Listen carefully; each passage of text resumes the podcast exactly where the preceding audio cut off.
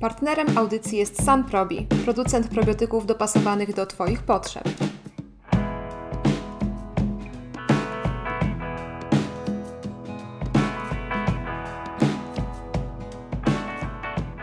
Na sam początek może być trochę naszym gościom opowiedział, naszym słuchaczom. Mm, ogólnie jesteś dietetykiem, wykładowcą, robisz teraz doktorat. Co w Twoim życiu jako psychodietetyk, jako dietetyk e, aktualnie robisz? Jakie są główne Twoje zainteresowania, bądź też no, badania, tematy, którymi się aktualnie zajmujesz? Co to będzie?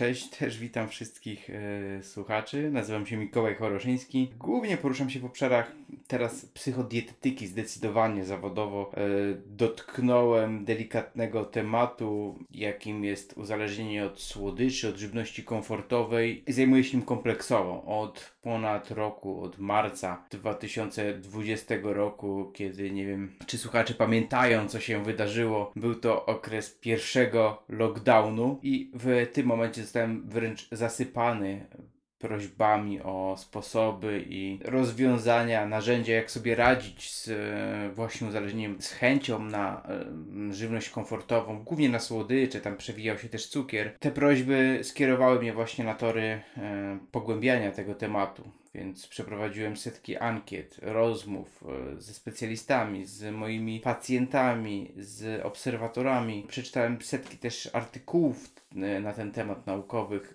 gdzie co ciekawe stanowisko też nie jest jasne i określone. Nie ma takiej jednostki chorobowej jak uzależnienie od słodyczy. Więc mm, na bazie tej, na bazie tej wiedzy stworzyłem książkę oraz kurs e, uzależnienie od słodyczy skuteczne narzędzia, a kurs dotyczy modelu mojego e, autorskiego modelu Fit Mind, czyli pięciostopniowy model zmiany nawyków żywieniowych, bo mm, również brakowało dobrego narzędzia, które rozwiązywałoby ten problem. Spośród osób, z którymi współpracowałem, miałem kontakt. Duża część z nich współpracowała wcześniej zarówno z dietetykami, jak i z psychologami, jednak ani jedni, ani drudzy nie potrafili im pomóc e, dojść do źródła tego problemu i użyć odpowiednich narzędzi, e, żeby z, doprowadzić do dobrostanu, gdzieś tego złotego środka, uczucia szczęścia, a nie mm, takiej impulsywności. To jeżeli chodzi o moją pracę zawodową. Też prowadzę grupę wsparcia na Facebooku. Wszystko pod szyldem uzależnienie od słodyczy skuteczne narzędzia do zmiany nawyków. E, prowadzę też e, webinary co niedzielę, gdzie dzielę się wiedzą z tego zakresu, z zakresu psychologii jedzenia i dietetyki. Czwartkowe webinary od tego, od maja zeszłego roku są regularnie e, wypełnione osobami, które poszukują odpowiedzi na to pytanie, jak walczyć, jak pracować,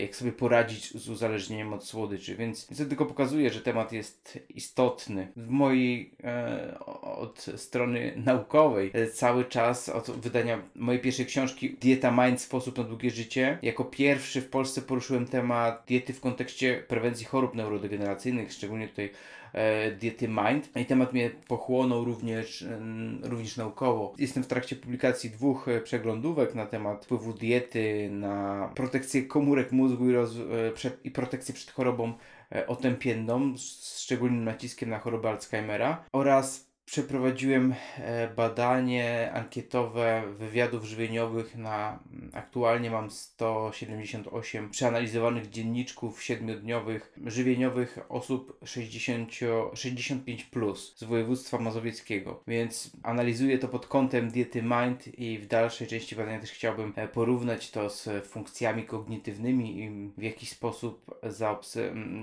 starać się wyłapać jakieś tendencje, czy, czy faktycznie polska dieta, typowa polska dieta jest tak wyniszczająca. Dla, dla serca to wiemy na pewno, bo widać to po skali chorób serca. Mózgu też to już zaczynamy odczuwać, chociaż o tym się jeszcze nie mówi, ale według niektórych statystyk choroba Alzheimera jest e, trzecią albo czwar czwartą, albo już trzecią główną przyczyną zgonów w, w naszym społeczeństwie. Czyli to jest taka cicha, y, pełznąca gdzieś w tle prawdziwa pandemia, a to wszystko jest związane z dietą, e, dietą Polaków, więc e, nie, wszystko to też jest duże, duże uogólnienie, natomiast to, co, to, to czym mnie dotknęła prostota diety Mind, to mm, trzymanie się prostych reguł, które skutkowały obniżeniem ryzyka rozwoju choroby Alzheimera 53%. Więc jest to choroba w dużej mierze e, metaboliczna. Mało jest informacji, szczególnie z naszego kraju, z naszego regionu tutaj, więc chciałbym to, to uzupełnić, bo na świecie coraz większy, coraz większą uwagę przykłada się do tego, do tego tematu. W Polsce jeszcze gdzieś, jeszcze gdzieś brakuje, pojawiają się już prace, Natomiast jest tego jeszcze mało, więc chciałem też dołożyć tutaj cegiełkę i to niezwykle mi pochłania. Szukam, startuję w różnego rodzaju konkursach, więc e, z pewnością teraz, teraz czekam na wyniki jednego mm, konkursu. Niebawem może będzie, e, będę potrzebował rąk wolontariuszy, żeby pomóc osobom starszym i tym samym do, dołożyć tą cegiełkę w postaci odkrywania tej, tej wiedzy. A e, to ja bym w takim razie zapytał jeszcze o to badanie, bo brzmi ciekawie. 65 mm, plus osoby, tak? I sprawdzasz ich modele żywienia.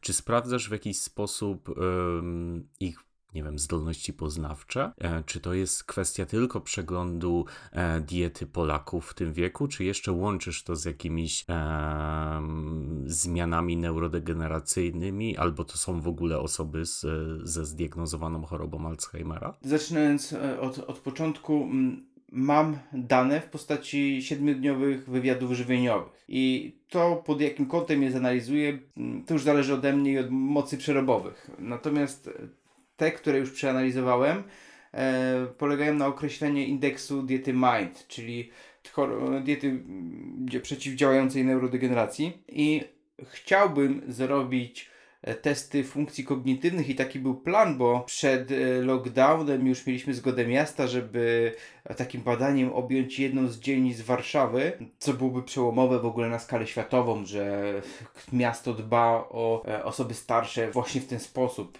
interwencją dietetyczną.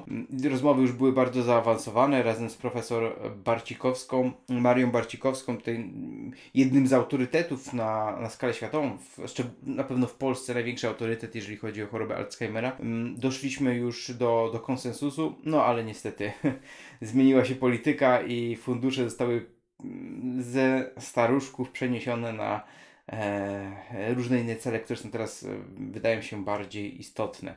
Natomiast telefonicznie czy zdalnie chciałbym zbadać e, funkcje kognitywne, mm, ale i pod, w kontekście choroby Alzheimera nie są to narzędzia zwalidowane i są mało specyficzne, więc telefonicznie mogę teoretycznie uzyskać jakąś dane, jakieś dane, ale jeżeli to bym porównał z danymi z dzienniczków żywieniowych, to będzie mała specyficzność. Mogę po prostu nic z tego szumu nie wyłapać. Zbyt dużo zmiennych. Więc czekam, czy jeżeli pojawi się dobre narzędzie do oceny funkcji kognitywnych pod kątem otępienia i choroby Alzheimera, to jak najbardziej tak. Bo są różne narzędzia, które badają funkcje kognitywne ogólnie, ale to nie zbliża nas w kierunku przeciwdziałania mm, chorobom otępiennym. Okej, okay, no to życzymy, żeby faktycznie e, udało się zrobić e, badania terenowe. Byłoby to na pewno super to może wyjdźmy od tej diety Mind, bo to jest ciekawy temat, skoro już zaczęliśmy. Może byś nam opowiedział troszkę, e, jako autor książki e,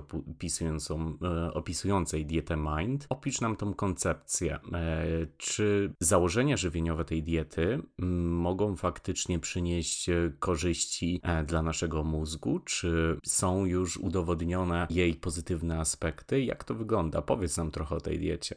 To musimy cofnąć się do 2015 roku, kiedy to pamiętam dobrze, przyglądając e, literaturę z tak zwanego Nutrition Science, czyli wiedzy e, badań naukowych na temat żywności, żywienia, natrafiłem na artykuł Marty Claire Morris. Była to profesor z Uniwersytetu Rush w, w Chicago. Opublikowała wyniki pracy na temat e, modelu diety Mind i okazało się, że stosując odpowiednią dietę, można ograniczyć ryzyko rozwoju choroby Alzheimera o 53%. Co ciekawe, osoby, które przestrzegały jej tak w kratkę, czyli nie, nie trzymały się jej bardzo e, rygorystycznie, nie były w czwartym e, kwarcylu w badaniu, czyli weekendowo trzymały się diety, miały e, obniżone ryzyko rozwoju choroby o 34%. Czyli to i tak jest ponad 1 trzecia e, te wyniki były zdumiewające. Stwierdziłem, że trzeba się w tym podzielić z społecznością. Wtedy pamiętam, dla, napisałem artykuł dla dietetycy.org, e, a chwilę później e, dostałem propozycję napisania książki i podzielenia się tą, tą wiedzą, tym bardziej, że temat ten dotykał mnie też osobiście, bo kilka lat wcześniej zmarła moja babcia w wyniku e, powikłań choroby Alzheimera. I tutaj moja, moja osobista motywacja dotyczyła też tego, że chciałem zadbać o moją rodzinę, bo gdzieś genetycznie ten szlak jest teoretycznie już przetarty w, w naszej rodzinie, ale rozmawiając z, ze studentami, rozmawiając z, z osobami podczas szkoleń, bardzo rzadko zdarza się, że ktoś nie ma gdzieś w bliższej lub dalszej rodzinie choroby dotkniętej otępieniem. Jest już tak, tak e, rozpowszechniona w naszym społeczeństwie, że ktoś gdzieś bliżej lub dalej już, już mm, spotkał się z, z tym, tym przykrym, ciężkim tematem. Natomiast te badania mm, dotyczyły, dotyczyły społeczności w Chicago, w Rush, e, w, opublikowane przez Rush University, University pokazywały również, że mózgi osób stosujących dietę MIND były o 8 lat młodsze i sprawniejsze poznawczo od osób na typowej takiej diecie mm, wszystkożernych, czyli jakaś dieta amerykańska, e, powiedzmy. Tak u nas byśmy powiedzieli jakaś typowa dieta polska, e, bazująca na kanapkach z wędliną i e, kotlecie z ziemniakami na obiad. Wyniki te jednak zostały powtórzone praktycznie kropka w kropkę w, przez Diane Hosting w mm, Australii wyszło również 53% e, zmniejszonego ryzyka rozwoju chorób, e, choroby Alzheimera. Co ciekawe, porównywane były również indeks diety śródziemnomorskiej i w tym wypadku dieta śródziemnomorska nie miała neuroprotekcyjnego działania. Miała mm, oczywiście kardioprotekcyjne i anti-aging, przeciw, przeciwstarzeniowe, ale nie było widać e, zależności w stosunku do chorób otępiennych. Więc temat niezwykle, niezwykle istotny i, i, wydaje się, że naprawdę jest na, na czasie ze względu na to, że społeczeństwa się starzeją i ze względu na to, że od 100 lat, odkąd opisano po raz ponad 100 lat temu, odkąd Alois Alzheimer opisał po raz pierwszy pacjentkę e, z chorobą otępieniem typu alzheimerowskiego, nie opracowano żadnego leku aktualnie słyszałem, że było 400 prób różnych farmaceutyków. E, wydane na to zostały 15 miliardów dolarów. Są to nie astronomicz, astronomiczne kwoty na lekarstwa, które, które nie, których nie ma. Więc te pieniądze po prostu poszły na próby. A okazuje się, że jedząc odpowiednio, czyli dostarczając sobie te wszystkie składniki wiedząc, które sobie dostarczać, a wiedząc, których dostarczać trochę mniej, jesteśmy w stanie o ponad połowę zmniejszyć ryzyko rozwoju choroby, no co, co jest olbrzymim, e, olbrzymim wynikiem. W, sama dieta mind jest wyjątkowo prosta, bo polega na podziale całej żywności na 15 grup, czyli jest 10 produktów, grup produktów, które chcemy jeść regularnie, jak najczęściej i jest 5 grup produktów wartych ograniczenia. Nie ma żadnych zakazów, e, nakazów,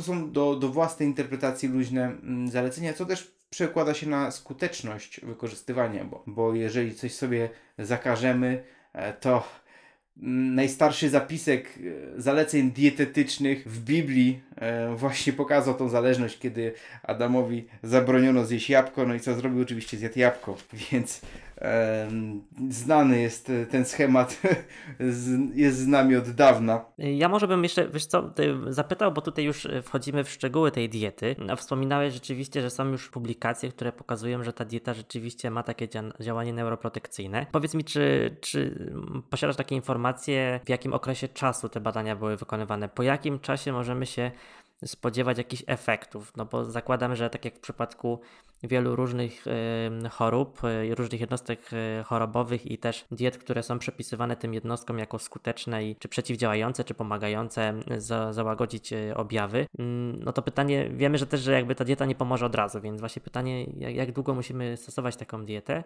no aby móc rzeczywiście zauważyć te realne efekty? Mm, w badaniu z, z Ameryki, z Chicago było to chyba 7 lat, czy 7,5 roku. Natomiast australijskie było krótsze.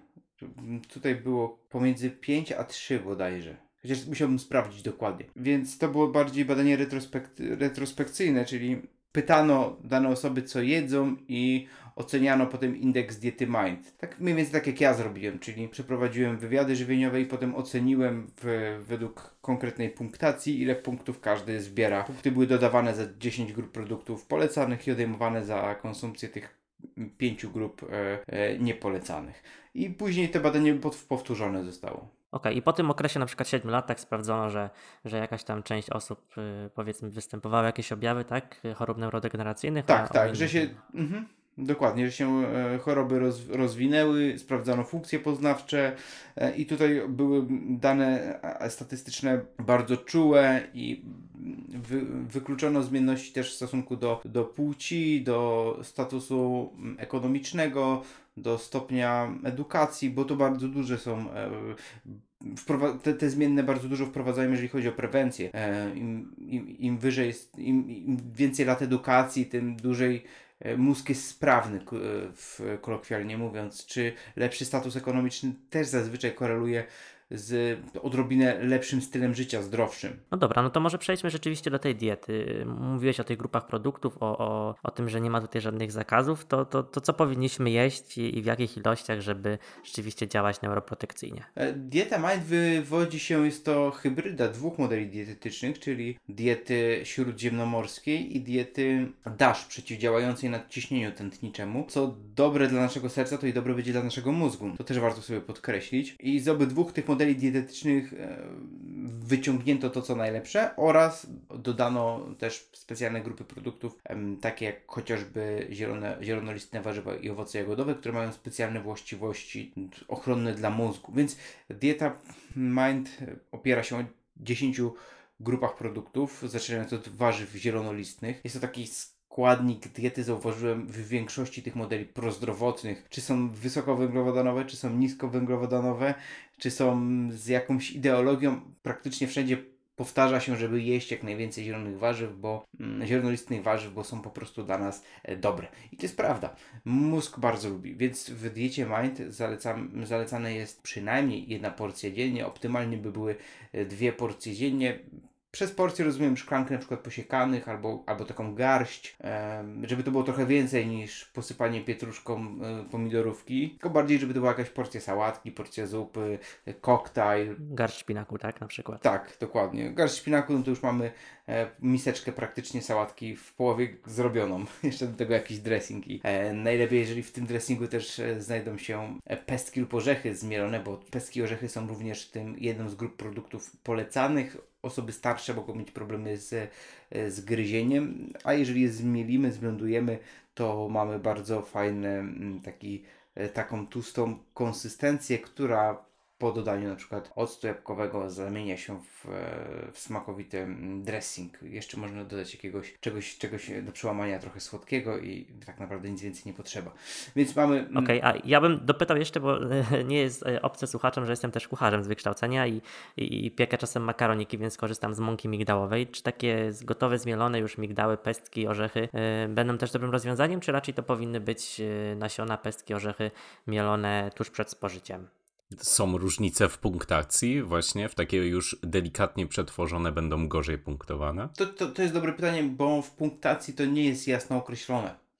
Jeżeli, wydaje mi się, że jeżeli mąka migdałowa jest odtłuszczona, to już tam część składników mineralnych jest, e, jest utracona. Dodatkowo też nie wiadomo, jak wygląda proces e, oksydacji, utleniania e, tych lipidów. Faktycznie, faktycznie im bardziej produkt jest przetworzony, no, tym, mm, tym troszeczkę już zmienia się jego wartość e, odżywcza i to działanie na organizm. Natomiast generalnie, gdyby, gdyby w każdej formie dostarczyć te orzechy to w naszym społeczeństwie byłby niesamowity wzrost. E, nawet jeżeli to będzie masło orzechowe, to już jest super. Fajnie, mi się podoba e, sam koncept ze względu na to, że tutaj znowuż mamy taki model grywalizacji. Ja kiedyś naszym słuchaczom opowiadałem o diecie Weight Watchers, która też jest oparta o system punktowy, gdzie faktycznie e, pracujemy sobie jakoś na wynik każdego dnia. I tutaj też rozumiem tak jest, czyli powiedziałeś trochę o tych dobrych produktach. A co w takim razie będzie na liście produktów, za które punktów nie dostajemy, bądź e, są jakieś punkty ujemne? To jeszcze wymienię szybko pozostałe elementy tych polecanych, czyli mamy zielone warzywa, mamy mm, e, warzywa innego koloru. Tutaj kolor jest e, tym wyznacznikiem e, dla nas atrakcyjności, ze względu na mm, różnego rodzaju związki fenolowe, antocjany i, i całe grupy barwników, które działają ochronnie również na mózg. Dodatkowo owoce same w sobie nie wykazują działań neuroprotekcyjnego, no, chyba że weźmiemy owoce jagodowe albo takie owoce ciemnogranatowe, jak na przykład winogrona fioletowe, czy winogrona czerwone, to, to te grupy produktów faktycznie w badaniach po, po, pozwalają podnieść e, zdolności poznawcze u osób z lekkimi zaburzeniami. Dalej mamy produkty pełnoziarniste, orzechy wspomniane, oliwa z oliwek, e, ryby, chudy drób się pojawia, ale chudy drób raczej jako uzupełnienie, dobre uzupełnienie białka, bo w przypadku diet osób starszych często z tym białkiem jest problem, jest jego niewystarczająca ilość, a odrobinę mm, białk, zawartość białka w diecie procentowo powinna wraz z wiekiem odrobinę wzrosnąć. I jeszcze jest jeden element, który został z diety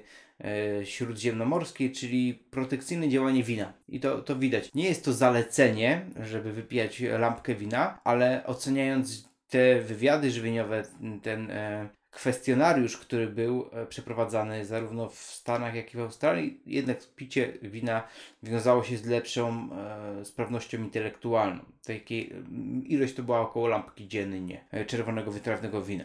Z tych grup produktów, które są warte ograniczenia, czy, czy, czy, to, czy, czy nazwać to czarną listą, będzie przede wszystkim produkty e, przetworzone dania typu fast food.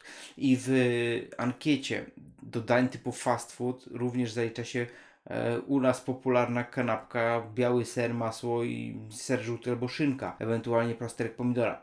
Czym to się różni od takiej zapiekanki, którą ktoś nam w budce zapiecze. No, praktycznie niczym. Jest, jest tam e, biała mąka, są tłuszcze nasycone, mm, mała wartość odżywcza, więc w tej grupie również e, wa warto zwrócić, że tak wysoko przetworzone produkty również się do tego zaliczają. Nie trzeba ich kupić w punkcie z nazwą e, fast food czy, czy innej sieciówki. E, drugim produktem jest mięso e, przetworzone, warto je ograniczyć również. Ser żółty, to ciekawe, że ser żółty mniej niż porcja na tydzień. To też było skorelowane e, z e, funkcjami kognitywnymi. Wydaje się, że to jest faktycznie dosyć jasna wytyczna, żeby sera e, żółtego pojawiała się tylko jedna porcja w tygodniu.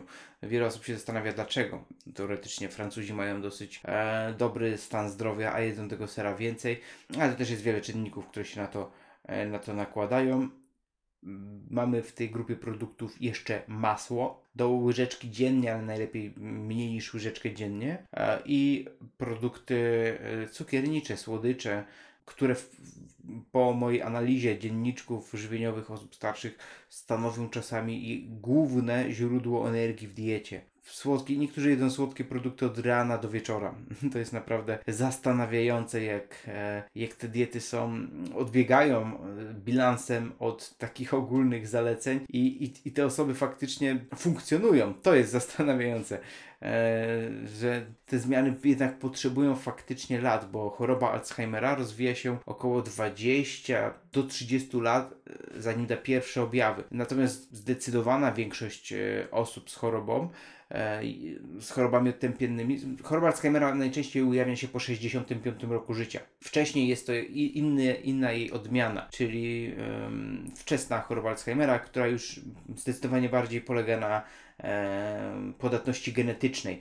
Ale jeżeli mówimy o tej chorobie metabolicznej, to 65 plus. I w tym wypadku w tym wypadku choroba, jeżeli rozwija się 20-30 lat wcześniej, no to warto już zwrócić w 30-40 latach e, swojego życia baczną uwagę, bo, bo jeżeli już jest e, to, jeżeli to są już zmiany alzheimerowskie, to robimy wszystko, żeby spowolnić proces. Nie ma na to lekarstwa, nie ma innej metody, żeby to e, zatrzymać więc możemy tylko interwencją dietetyczną na tą chwilę i w no innej jedyną rzecz, którą, jedynej rzecz, którą, której bym nie polecał, e, który bym nie życzył słuchaczom albo ich rodzinie, bo to najczęściej obciąża całą rodzinę, żeby właśnie ktoś z bliskich dostał chorobę Alzheimera, żeby e, zapomniał, e, przestał rozpoznawać e, swoich bliskich, a dodatkowo osoba z tą chorobą jest, jest wyjątkowo, często jest nadaktywna, jest często w takim stanie strachu, lęku,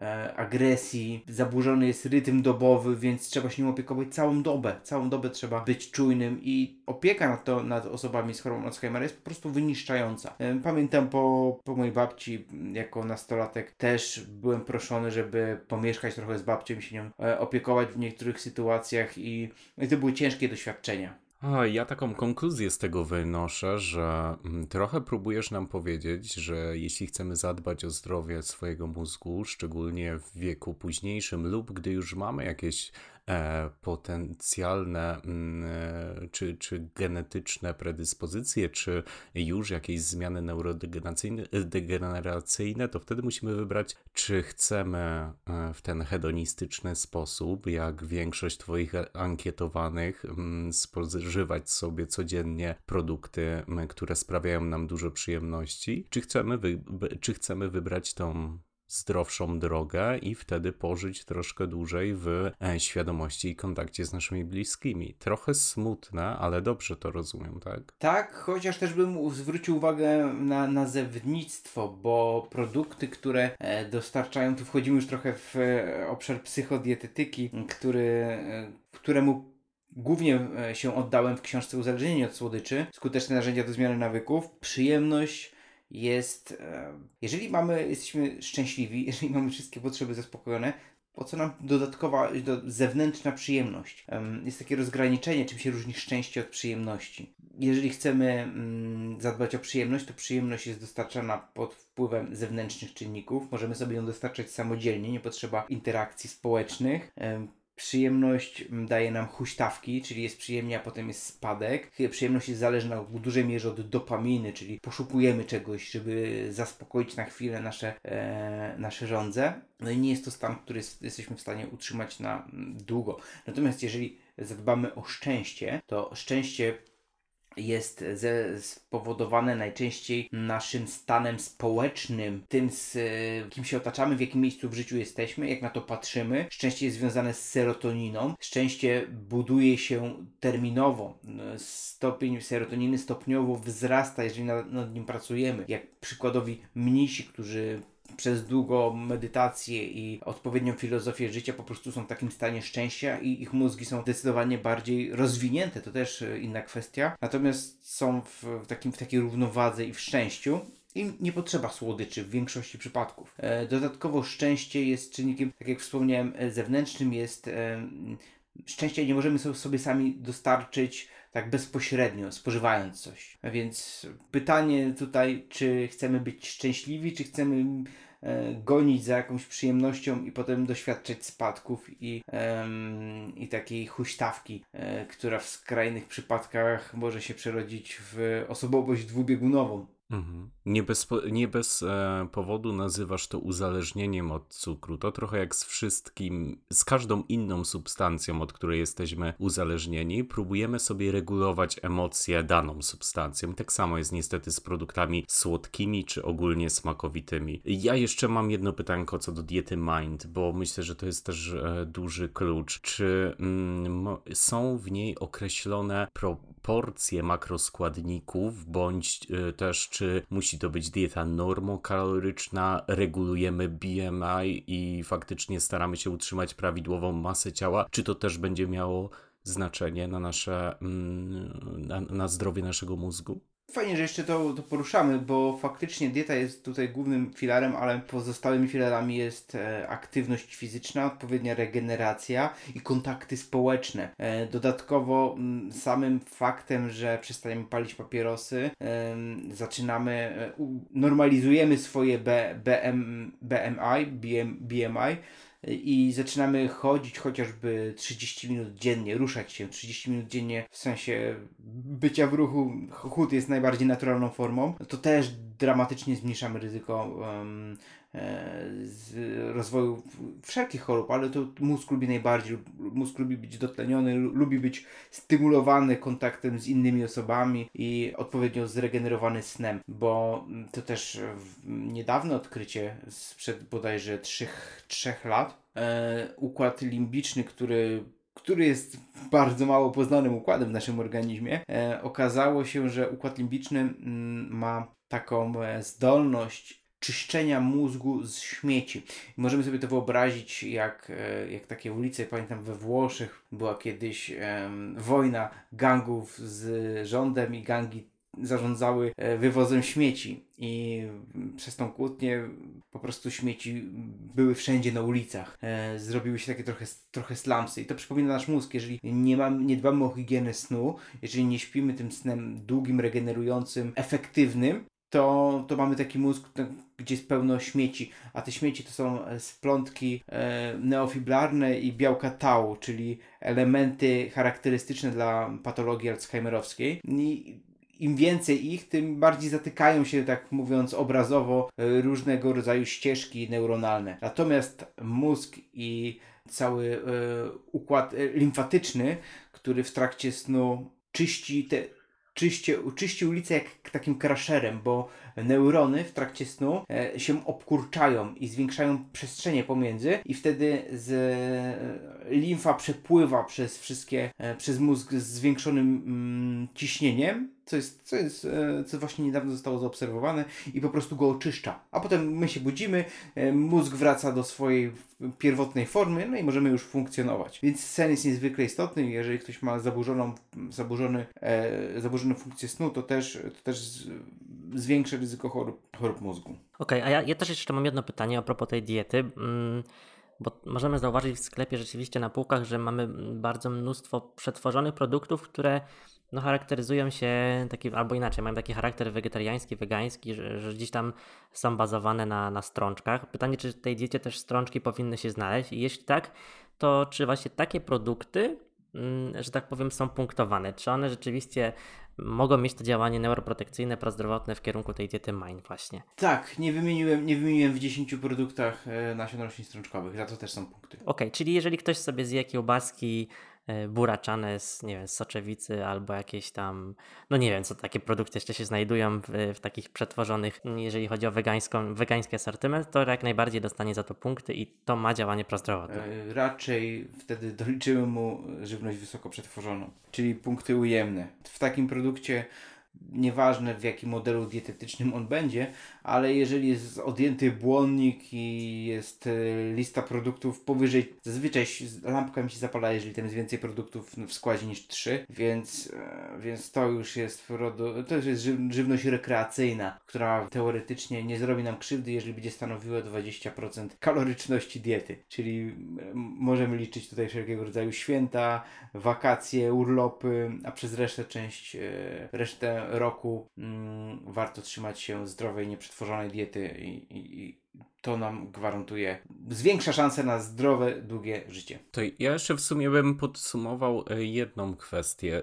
Jak dobrze rozumiem, dietę Mind możemy nieco modyfikować. W sensie, jeśli będziemy mieli pacjenta, któremu zależy na tym, żeby na przykład jeść bezmięsnie, mm, że jest jaroszem, albo już to bardziej, e, bardziej radykalnie weganinem, czy też ma na przykład IBS i, e, i te strączki tutaj nie bardzo w diecie, to myślę, że i tak jesteśmy w stanie na tyle zmodyfikować dietę Mind, że mm, tych punktów będzie wystarczająco, aby spełniała one założenia. Czy, czy dobrze to rozumiem? I miałeś takich pacjentów, którzy byli ciężcy mm, ze względu na preferencje bądź e, współistniejące jednostki chorobowe właśnie no, po prostu do ułożenia takiej diety? Tak, tutaj większość osób starszych ma pewne problemy i opory, szczególnie właśnie z dużą, z większą ilością błonnika, e, z jedzeniem orzechów, z jedzeniem em, strączków.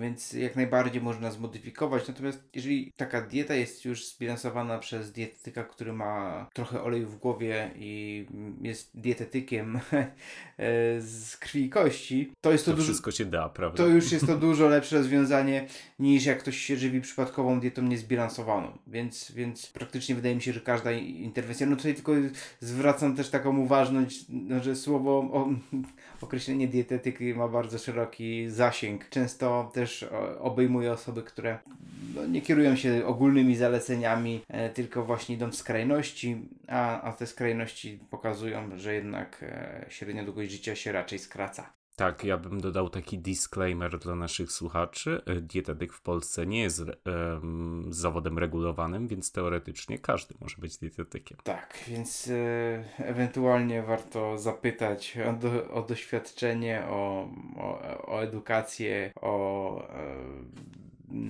Dorobek, oczywiście. dorobek, tak, tak, to, to będzie nas, e, to już pokaże z kim rozmawiamy. Okej, dobra, to ja, ja może bym teraz przeszedł, bo też już mm, wspominałeś w trakcie, w trakcie wypowiedzi na temat diety Mind o, o uzależnieniu od cukru, o tym, że, że jest to realny problem. Yy, No i właśnie pytanie, czy też w Polsce mamy z tym problem, czy, czy bardziej kobiety, czy mężczyźni? Yy, i Do jakich wniosków doszedłeś współpracując z różnymi pacjentami i, i tak jak mówiłeś, rozmawiałeś też z wieloma różnymi osobami, prowadziłeś też badania ankietowe.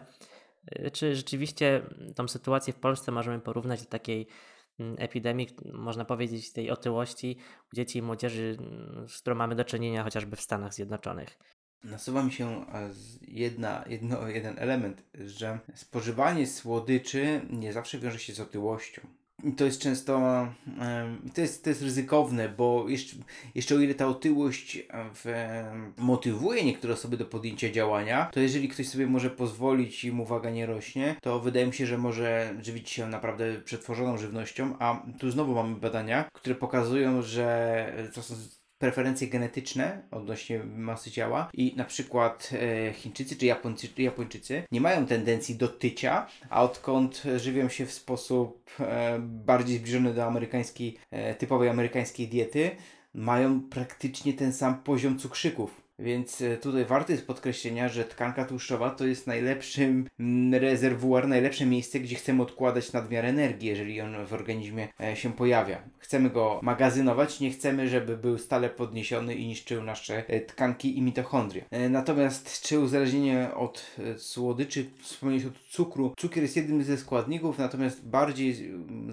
jest to uzależnienie od żywności komfortowej, które jest połączeniem najczęściej cukru, najczęściej tłuszczy nasyconych, y, tłuszczy zwierzęcych, masła, e, mm, mąki białej i dodat dodatku soli.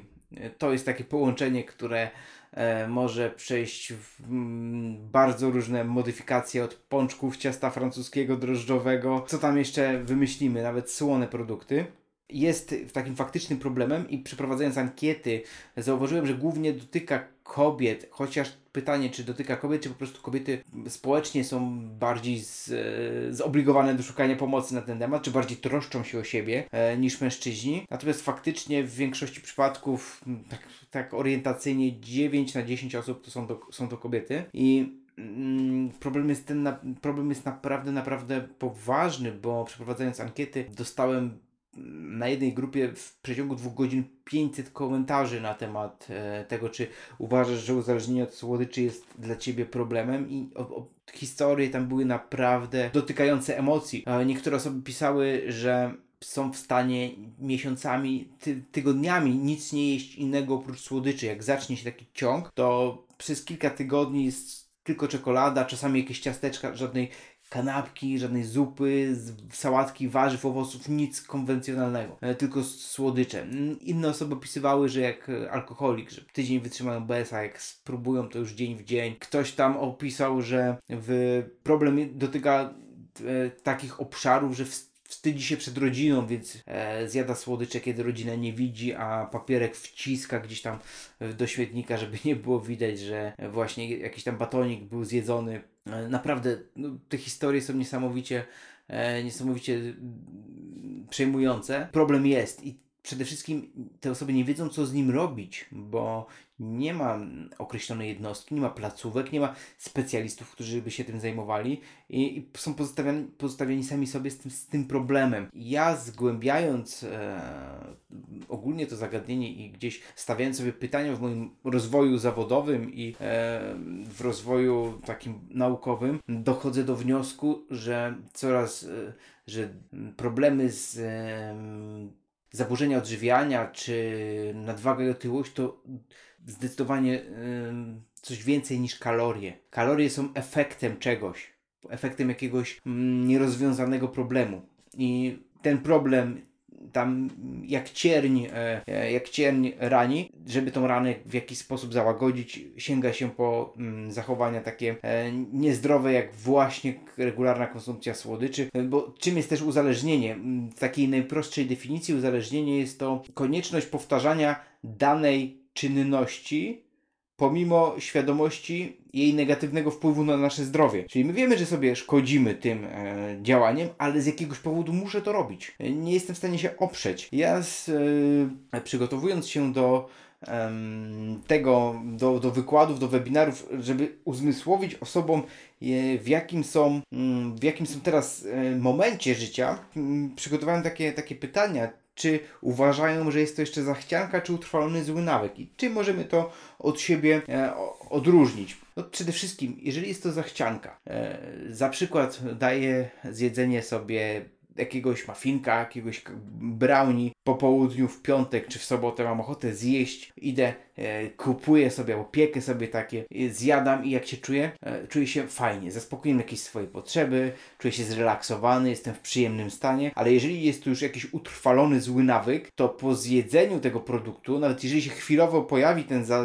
to uczucie euforii, to zazwyczaj emocje, samopoczucie spada, mm, spada wiara w siebie, w swoje możliwości, samoocena, pojawia się wewnętrzny krytyk, pojawiają się jakieś dialogi wewnętrzne i wtedy możemy już um, zastanowić się, czy to nie jest poważniejszy problem.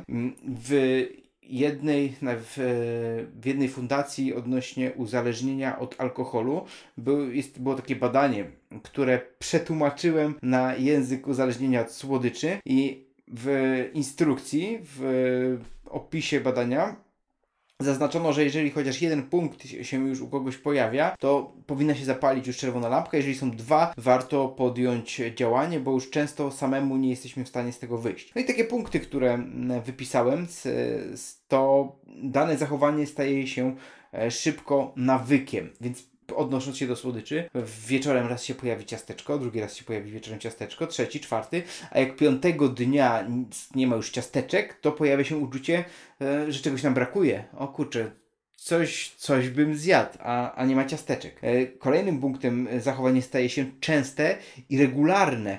Czyli znowu odnosząc się do tego wieczornego ciasteczka, to wieczorem pojawia się ono codziennie. Jeżeli do kawy ląduje jakieś e, coś słodkiego, to też to się pojawia regularnie. Pojawiają się okresy rozważania na temat ograniczenia. Mm, osoby jedzące słodycze praktycznie zawsze e, zastanawiają się, e, czy, czy, czy nie przesadzam. Zdecydowanie często osoby, które jedzą słodycze, mają już jakiś stopień insulinooporności, czasami cukrzycę, e, otyłość i, i dalej e, zastanawiają się nad ograniczeniem ograniczeniem, ale to nie wychodzi z tej strefy rozważania. Występują wyrzuty sumienia, poczucie winy lub wstyd z tym związany. To tak jak wspomniałem wcześniej, jeżeli e, to jest jeszcze zachcianka, to sobie pozwolę na nią i będzie mi dobrze, ale jeżeli jest już to uzależnienie, to będzie poczucie winy, wstyd i wyrzuty sumienia. Pojawiają się e, chęci, pojawiają się rano, zaraz po przebudzeniu. Wiele, wiele osób może zacząć od czegoś słodkiego i potem już mm, cały dzień tak leci. Jeżeli niektóre osoby, z którymi współpracuję, jeżeli zaczną od, od czegoś słodkiego, to potem już nie ma szansy na bilans w ciągu dnia. Już lecą po całości. Oczywiście energia, energia w ciągu dnia spada, a wieczorem się pojawia całkowite e, całkowity zjazd. Chowanie słodyczy przed innymi lub jedzenie ich pokryjomu. To znowu jest takie zaburzenie i z tym też coraz więcej osób e, się e, zmaga jedzą na przykład zaraz po zakupach, zanim dojdą do domu. Niektóre osoby jeszcze potrafią wrócić na pięcie i, i wrócić po jeszcze e, odrobinę czegoś słodkiego, drugiego batonika, czy, czy jakąś jeszcze drożdżówkę, żeby na pewno się najeść e, przed powrotem do domu. Niektórzy jedzą w nocy, jak rodzina śpi, mm, ale generalnie pojawia się ten element e, chowania tego, to, to staje się jakaś stygmatyzacja. E, ma charakter kompulsywny, czyli ktoś planuje sobie, że zje dwa ptasie mleczka, znikają dwa pięterka. E, w trakcie nie jest w stanie się zatrzymać. To, to, to ma taki charakter e, apetyt rośnie w miarę jedzenia. Zabiera znaczną część czasu. No, w tym wypadku jedzenie wysokokalorycznych słodyczy może nie jest czasochłonne, bo zjedzenie takiej, takiego rynienki lodów to jest 20 minut, ale wyrzuty sumienia po tym akcie będą trwały przez resztę wieczoru. Następnego dnia mogą pojawić się jakieś myśli kompensacyjne, może trzeba się poruszać, ale zdecydowanie częściej pojawia się chęć, e, dobra, to jestem do niczego dzisiaj też, e, mam ochotę na kolejną porcję lodów czy jakieś inne e, przekąski. Są przyczyną problemów zdrowotnych i finansowych, zawodowych, małżeńskich również e, jedzenie regularne z żywności wysoko przetworzonej, zawierającej duże ilości cukru, tłuszczy nasyconych, białej mąki, no, wiąże się z problemami zdrowotnymi. E, wszystkie choroby cywilizacyjne, a jeżeli dotykają nas problemy zdrowotne, to też ciągnie za sobą i finansowe, i zawodowe, i małżeńskie, i inne. Trudno jest zaprzestać trwale i całkowicie. E, osoby, które do mnie się zgłaszają, bardzo często są już po wielu dietach, bardzo często robiły sobie detoksy, robiły sobie głodówki, oczyszczania, stosowały jakieś suplementy, e, ale to nigdy nie, to nigdy się nie sprawdza, gdyby nie dochodzą do tego, nie rozwiązują samej przyczyny powstawania problemu. Mm, I jeszcze są dwa, czyli wiąże się z, we, z wewnętrznym, powracającym przymusem do kontynuowania albo do powtarzania tej czynności. Czyli nie to, że ja chcę, tylko już jest ten moment, w którym ja muszę zjeść coś słodkiego. Po zaprzestaniu pojawia się widoczny zespół odstawienny, no i ten element pojawił się raptem u paru osób, z którymi miałem kontakt taki silny, czyli e, rozedrganie, e, zimne poty, myśli tylko o tym, żeby zjeść coś słodkiego, problemy z koncentracją i ustępowały od razu po łyku chociażby na przykład czegoś słodkiego. Więc zobaczcie, że te punkty są się naprawdę, objawy uzależnienia od innych substancji pokrywają z tymi e, o, o, od słodyczy. Mi tutaj zabrakło jeszcze tylko e, szukania okazji, czyli na przykład, że e, u ulubionej koleżanki zawsze do kawy będzie ciasteczko oraz planowania, czyli gdy mm, po prostu wracam z pracy, mam kilka swoich ulubionych przystanków, gdzie mogę coś złapać i to się bardzo ładnie pokrywa z listą którą stworzył Monar e, z uzależnieniem od alkoholu. Wszystko wygląda dokładnie tak samo. Także jak najbardziej to rozumiem. A powiedz mi, gdybym wcielił się teraz w rolę mm, pacjenta i przyszedł do ciebie i powiedział: e, No dobra, ale co jest w tym takiego złego, że e, ja jako osoba względnie szczupła, bez jakichś problemów zdrowotnych. E, co jakiś czas rzucę się i zjem sześć czekolad naraz. Przecież mam trzustkę, jestem zdrowy, wszystko powinno zadziałać. Co twoim zdaniem się wtedy stanie? Co byś powiedział takiemu pacjentowi? Przede wszystkim zapytałbym, to dlaczego jest u mnie? Co było tą motywacją, że się zgłosił do specjalisty? E, I trochę bym pociągnął ten temat, bo zapewne gdzieś mm, wiesz, czym to się je i z czym to się wiąże. Natomiast jeżeli ktoś nie ma, nie ma świadomości, to też um, opisuje mm, działanie cukru na ogólnie organizm, e, między innymi cukru. To też jest ciekawe z takiej his historycznej perspektywy, bo mm, jako nasi pra, pra, pra, pra, przodkowie, którzy w 20 milionów lat temu hasali sobie po drzewach e, w kontynentu afrykańskiego i e, żywili się głównie owocami, liśćmi i ewentualnie jakimiś insektami, e, nie miały problemu z metabolizmem. Nie było potrzeba zbierania zapasów. E, przez kilka milionów lat tak sobie hasały i gdzieś 18-16 milionów lat temu, e, około 18 milionów lat temu nastąpiło ochłodzenie, zaczęła się pojawiać skorupa na mm, biegunach, e, skorupa lodowa na biegunach, więc e, spadły poziomy mórz i mm, małpy człekokształtne rozeszły się po Europie i Azji. I do, do jakichś 6-8 milionów lat temu żyły sobie bez, bez, większych, e, bez większych problemów, natomiast e, potem zaszły ponowne zmiany w klimacie i mm, to widać też na skamieniałościach, że ten, te e, małpy, które mieszkały w rejonie Europy, doświadczyły po raz pierwszy głodu związanego z zimą i w, żywiły się wtedy głównie figami. Mm, drzewa figowe były wszędzie. Były to głównie okolice, aktualnie okolice Turcji, Bliskiego Wschodu. Natomiast jak powstał, jak e, klimat się ochłodził, to, no, to tego, że tej żywności w niektórych okresach nie było. I wykształcił się specjalny metabolizm fruktozy. E, metabolizm ten obejmuje cykl kwasu moczowego. E, to takie kryształki, które, które w organizmie zazwyczaj w nadmiarze nie robią nic dobrego, jak to kryształki w organizmie. I e, fruktoza odpowiada również za ten, e, za kwas moczowy, e, zwiększając jego poziom. Sama fruktoza ma inny szlak metaboliczny niż glukoza, z tego względu, że jeżeli małpy z tym, e, z tą mutacją genetyczną jadły owoce bogate w fruktozę, to były w stanie wydatkować glukozę na swoje potrzeby energetyczne, a fruktoza wędrowała w postaci zapasowej, w postaci energii zapasowej. W ogóle taką ciekawostką jest, że fruktoza jest jedynym składnikiem hipoenergetycznym, obniża naszą przemianę materii.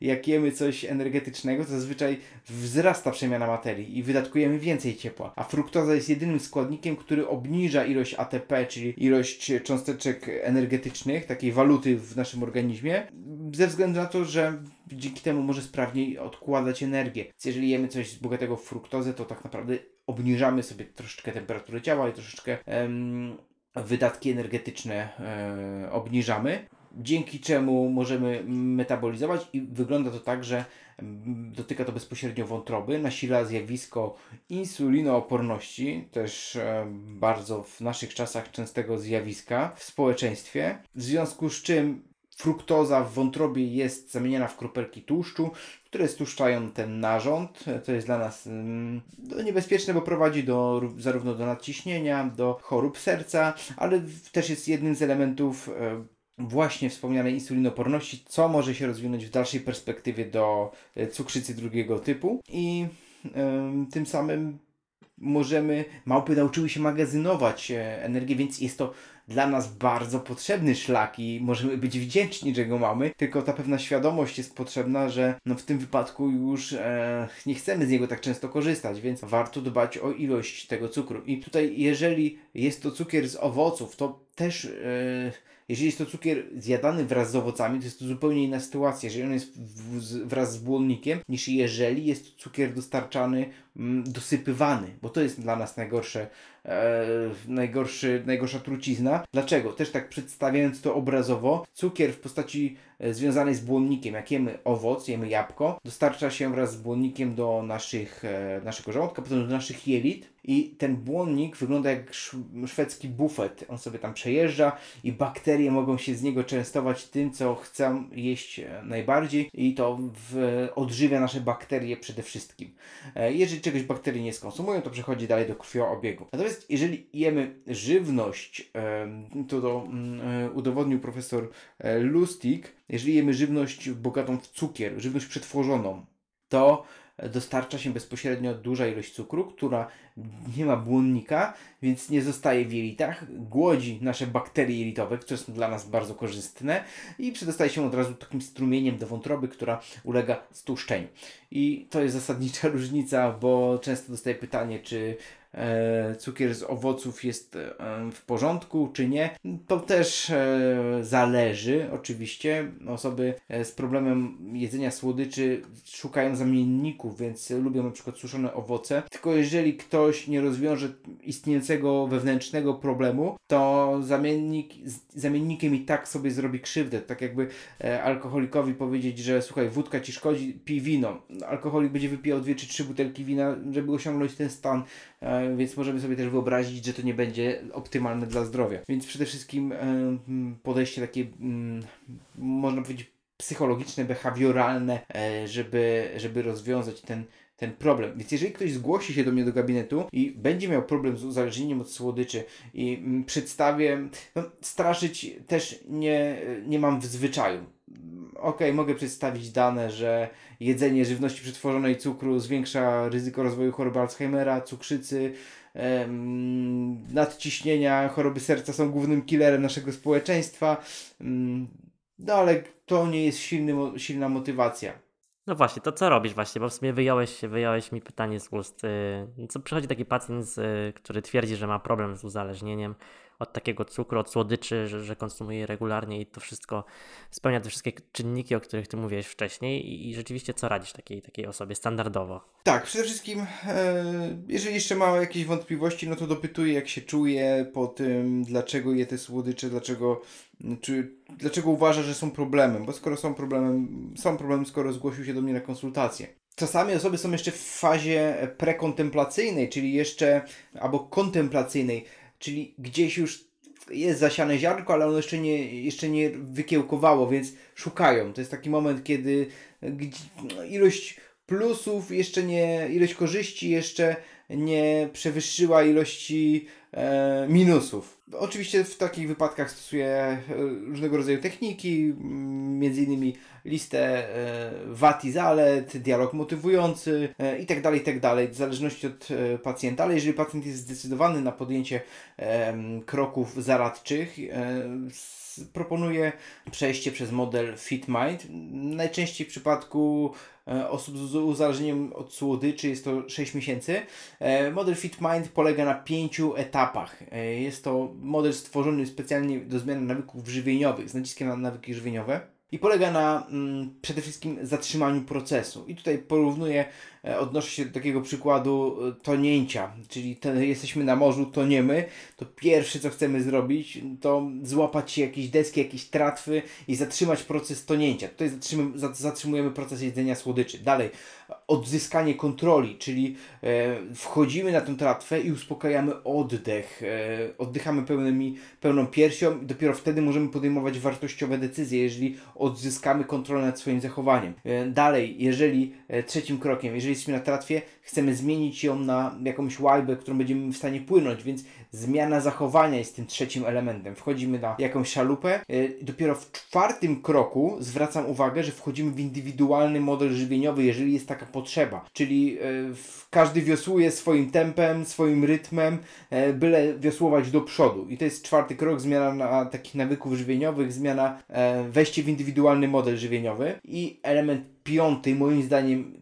ten kluczowy, który sprawia, że e, zaniedbanie go sprawia, że 95% osób po dwóch latach wraca do stanu wyjściowego, często z nawiązką, to utrzymanie nawyku, czyli dopływamy do domu, ale wiemy, że mieszkamy na terenie zalewowym, wiemy, że może przyjść fala i zabrać nas z powrotem na morze, więc budujemy worki z piaskiem, budujemy zapory, mamy alarm, system alarmowy, jakiś szybki środek transportu, który w przypadku zbliżającej się fali po prostu nas zabierze, bo według modelu zmiany e, nawrót na, nadejdzie. Ta fala się pojawi, tylko jak my będziemy na nią przygotowani, to już jest inna kwestia. Więc przechodząc z pacjentem przez wszystkie te e, pięć e, kroków, jestem w stanie e, w 9 na 10 pacjentów, które ze mną przechodzi cały model, e, jest, em, odzyskuje kontrolę nad, nad swoim zachowaniem w przypadku słodyczy. I em, jest to mm, podejście o tyle inne, że jest ten element czwarty, czyli w czwartym kroku, jeżeli jeszcze jest potrzeba, zwracamy pilniejszą uwagę na do, dobranie modelu dietetycznego. A co robią osoby, jeżeli e, mają problem ze słodyczami? Od razu przeskakują do diety. Zapisują się do dietetyka, e, stosują jakąś dietę z internetu, jakieś głodówki, oczyszczenia, jakieś suplementy. I to nie ma szansy powodzenia, bo wtedy zaniedbują e, zatrzymanie procesu, takie racjonalne zatrzymanie procesu, poznanie jego genezy i e, odzyskanie nad nim kontroli i zmianę zachowania. I dopiero jak ogarniemy te trzy elementy wcześniejsze, jesteśmy gotowi, e, powiedzmy, wejść na dietę redukcyjną. Bo jeżeli ktoś z, z, wejdzie od razu na dietę redukcyjną, bo ty, od tych słodyczy przytył, powiedzmy, to będzie się jej trzymał kurczowo jak, kurczowo jak liny, dopóki mu ręce nie omdleją, bo w końcu tę linę puści i to wszystko wróci. E, A tu nie chodzi o to, żeby ze sobą walczyć. Chodzi, żeby zrobić to z pełnym pozwoleniem, z pełną akceptacją, z pełną świadomością swoich potrzeb, stanów emocjonalnych i dlatego, mm, dlatego taki, e, takie podejście no, jest e, w pewien sposób intensywne, bo spotkania odbywają się często co dwa tygodnie, ale jest skuteczne, bo dotyka wszystkich obszarów, które e, są zaburzone przez, e, przez uzależnienie, a w piątym kroku w utrzymaniu nawyków zdecydowanie bardziej skupiamy się na środowisku społecznym, co jest takim jednym z predyktorów pozwalających utrzymać wypracowane nawyki w dłuższej perspektywie czasu. Fajnie, mi się bardzo podoba ten Twój koncept, ta, ta, ta, metodologia działania, bo nie zostawiasz pacjenta ze starymi metodami e, podejścia do swojego żywienia, tylko próbujesz go tak naprawdę naprawiać po kawałku, naprawiać to myślenie o e, czy o słodyczach, czy o innych produktach. I w ogóle, no naprawdę szacunek za e, twoje metafory i analogie, bo zapory, liny, fale, szalupy i moim faworytem są e, bakterie jako szwedzki bufet. E, nie, przepraszam, cukier. Cukier jako szwedzki bufet dla, dla bakterii. Mhm, mhm. Dobre, dobre. Ja, ja bardzo, bardzo czuję, że nasi słuchacze to docenią i, e, i, i coś tam im ciekawego, nowego zobrazowałeś w inny sposób.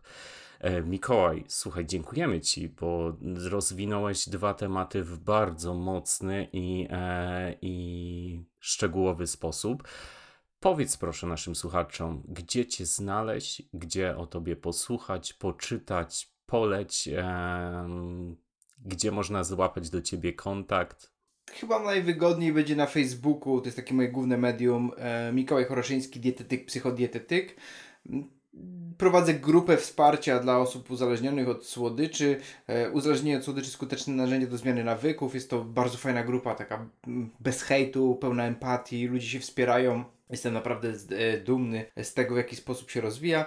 E, również też jestem na, na Instagramie Choroszyński Psychodietetyk. Mm, a polecam, odnoszę do mojej najnowszej książki, czyli Uzależnienie od słodyczy skuteczne narzędzia do zmiany nawyku nawyków, gdzie mm, no, przytaczam, są tam dwie części, czyli część teoretyczna i część praktyczna, gdzie już jest zestaw narzędzi, jak działać. I też myślę teraz, e, coraz więcej mam zapytań, żeby prowadzić szkolenia dla dietetyków e, z modelu FitMind, więc jeżeli wśród słuchaczy byłoby zainteresowanie, to też proszę o taką wiadomość, to z pewnością przyspieszy i zmotywuje mnie bardziej, gdyby ktoś, e, gdyby ktoś chciał poznać narzędzia.